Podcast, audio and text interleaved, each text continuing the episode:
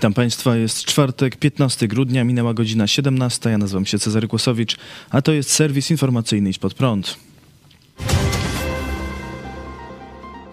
Sejm przyjął uchwałę uznającą Rosję za państwo sponsorujące terroryzm. Uchwała zawiera poprawkę zgłoszoną przez Antoniego Macierewicza, która mówi o odpowiedzialności Rosji za katastrofę smoleńską.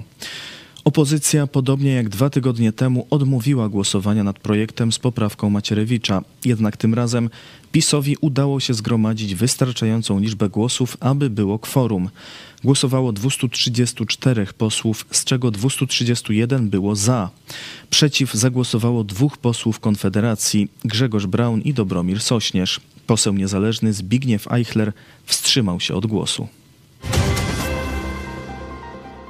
Prezydent zawetował ustawę Lex Czarnek II. Andrzej Duda poinformował dziś na konferencji prasowej o swojej decyzji w sprawie nowelizacji prawa oświatowego, która miała zwiększyć uprawnienia kuratorów i ograniczyć możliwość prowadzenia edukacji domowej. Przyszło do mnie dokładnie 133 listy protestacyjne. Część z tych listów jest podpisana niektóre nawet przez kilkadziesiąt organizacji społecznych. Więc część z tych listów są to listy podpisane przez osoby prywatne, ale są nawet takie, które są podpisane przez kilkanaście tysięcy osób. Nie udało się osiągnąć czegoś, co ja bym nazwał społecznym kompromisem. I w istocie takich szerokich konsultacji społecznych nie było. Protesty są składane przez organizacje i podmioty, jeżeli chodzi o spektrum ideologiczne, proszę Państwa, od skrajnej lewicy do skrajnej prawicy. Całe spektrum. Na pewno jedną rzecz można o tej ustawie powiedzieć. Nie zapewnia tego, na czym mnie bardzo dzisiaj zależy. Zależy mi na tym, żebyśmy mieli po prostu spokój. Mamy dzisiaj wojnę za naszą wschodnią granicą. Mamy dzisiaj niestety dodatkowo także i kryzys gospodarczy, związany także i z tą wojną, z wzrostem cen energii, olbrzymi niepokój. Mamy bardzo, bardzo kosztowne kredyty, które powodują ogromny wzrost kosztów codziennego utrzymania rodzin, ludzie są niespokojni. Nie potrzebujemy w Polsce dzisiaj dodatkowych napięć. Napięć niepotrzebnych zupełnie. W związku z powyższym, proszę Państwa, podjąłem decyzję o tym, że nie podpiszę tej ustawy. Odmawiam podpisania tej ustawy. Minister Edukacji i Nauki Przemysław Czarnek stwierdził, że jest zawiedziony.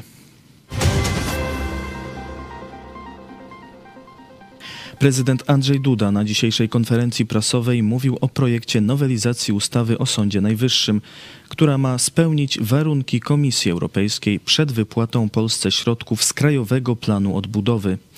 Prezydent zastrzegł, że wbrew przekazom medialnym projekt nie był z nim konsultowany, a jego treść poznał wczoraj. Powiedział też, jak będzie oceniał ustawę, kiedy już trafi do niego do podpisu. Będę oceniał przede wszystkim zgodność wprowadzanych zmian z Konstytucją Rzeczypospolitej Polskiej z uwzględnieniem suwerennego prawa Polski do kształtowania wymiaru sprawiedliwości w sposób, w jaki my, jako Polacy i demokratycznie wybrane przez nas władze chcą to zrobić, bo traktaty europejskie nam to gwarantują. Będę oceniał to też z punktu widzenia bezpieczeństwa prawnego obywateli stabilności wydanych orzeczeń. Proszę pamiętać, że przez ostatnie lata w polskich sądach były wydane tysiące orzeczeń. Były to osoby, które otrzymały bardzo często w ciągu ostatnich siedmiu lat swoje nominacje sędziowskie.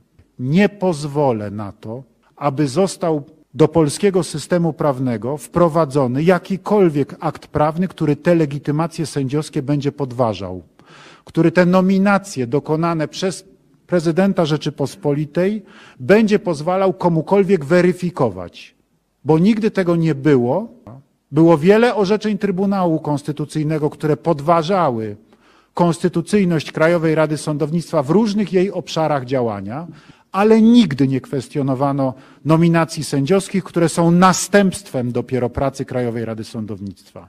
Bo najpierw decyzję podejmuje Krajowa Rada Sądownictwa, która przedstawia prezydentowi kandydatów na sędziów, a dopiero potem prezydent decyduje, czy ktoś sędzią zostanie, czy nie. I decyzja prezydenta jest decyzją ostateczną i niepodważalną. I apeluję do całej naszej sceny parlamentarnej, do wszystkich ugrupowań, aby spokojnie i konstruktywnie nad tym pracować. Chiński konsul zamieszany w pobicie Hongkończyka został odwołany z placówki w Wielkiej Brytanii. Jak poinformował szef brytyjskiego Ministerstwa Spraw Zagranicznych James Cleverly, chiński konsul generalny Zheng Xiuan opuścił Wielką Brytanię. Został odwołany do kraju wraz z pięcioma innymi pracownikami konsulatu. Wcześniej brytyjskie władze wezwały, by Chiny cofnęły immunitety swoim przedstawicielom. Mieli być przesłuchani jako osoby zamieszane w pobicie uczestnika pikiety na rzecz Hongkongu, która odbyła się 16 października przed chińską placówką. Pracownicy konsulatu zakłócili pikietę, niszcząc plakaty i transparenty, po czym dopuścili się także ataku na samych demonstrantów. Pochodzący z Hongkongu Bob Chan został wciągnięty za bramę chińskiej placówki. Bezprawną przemoc zakończyła dopiero interwencja brytyjskiej policji.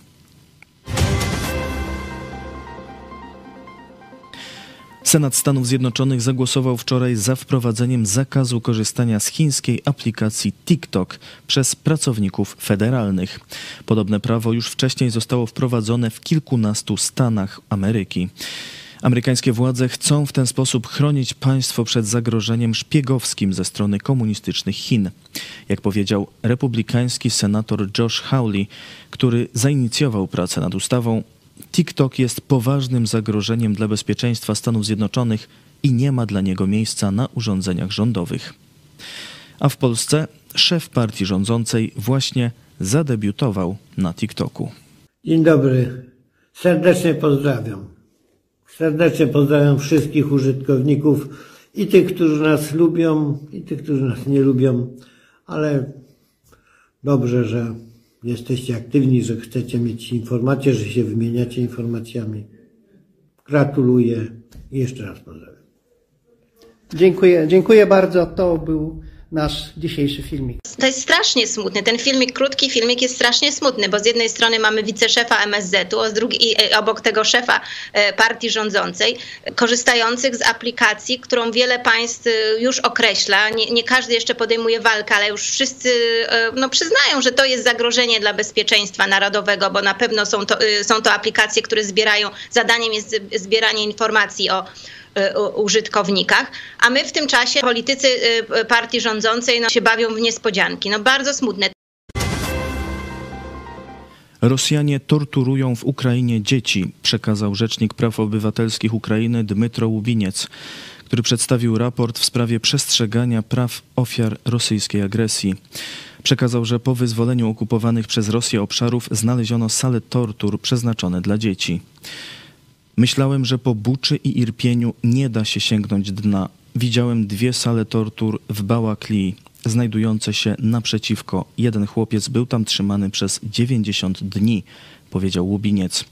Chłopca dźgano nożem, przystawiano mu rozgrzany metal do ciała, a kilka razy zabierano go na rzekomą egzekucję, podczas której strzelano mu nad głową.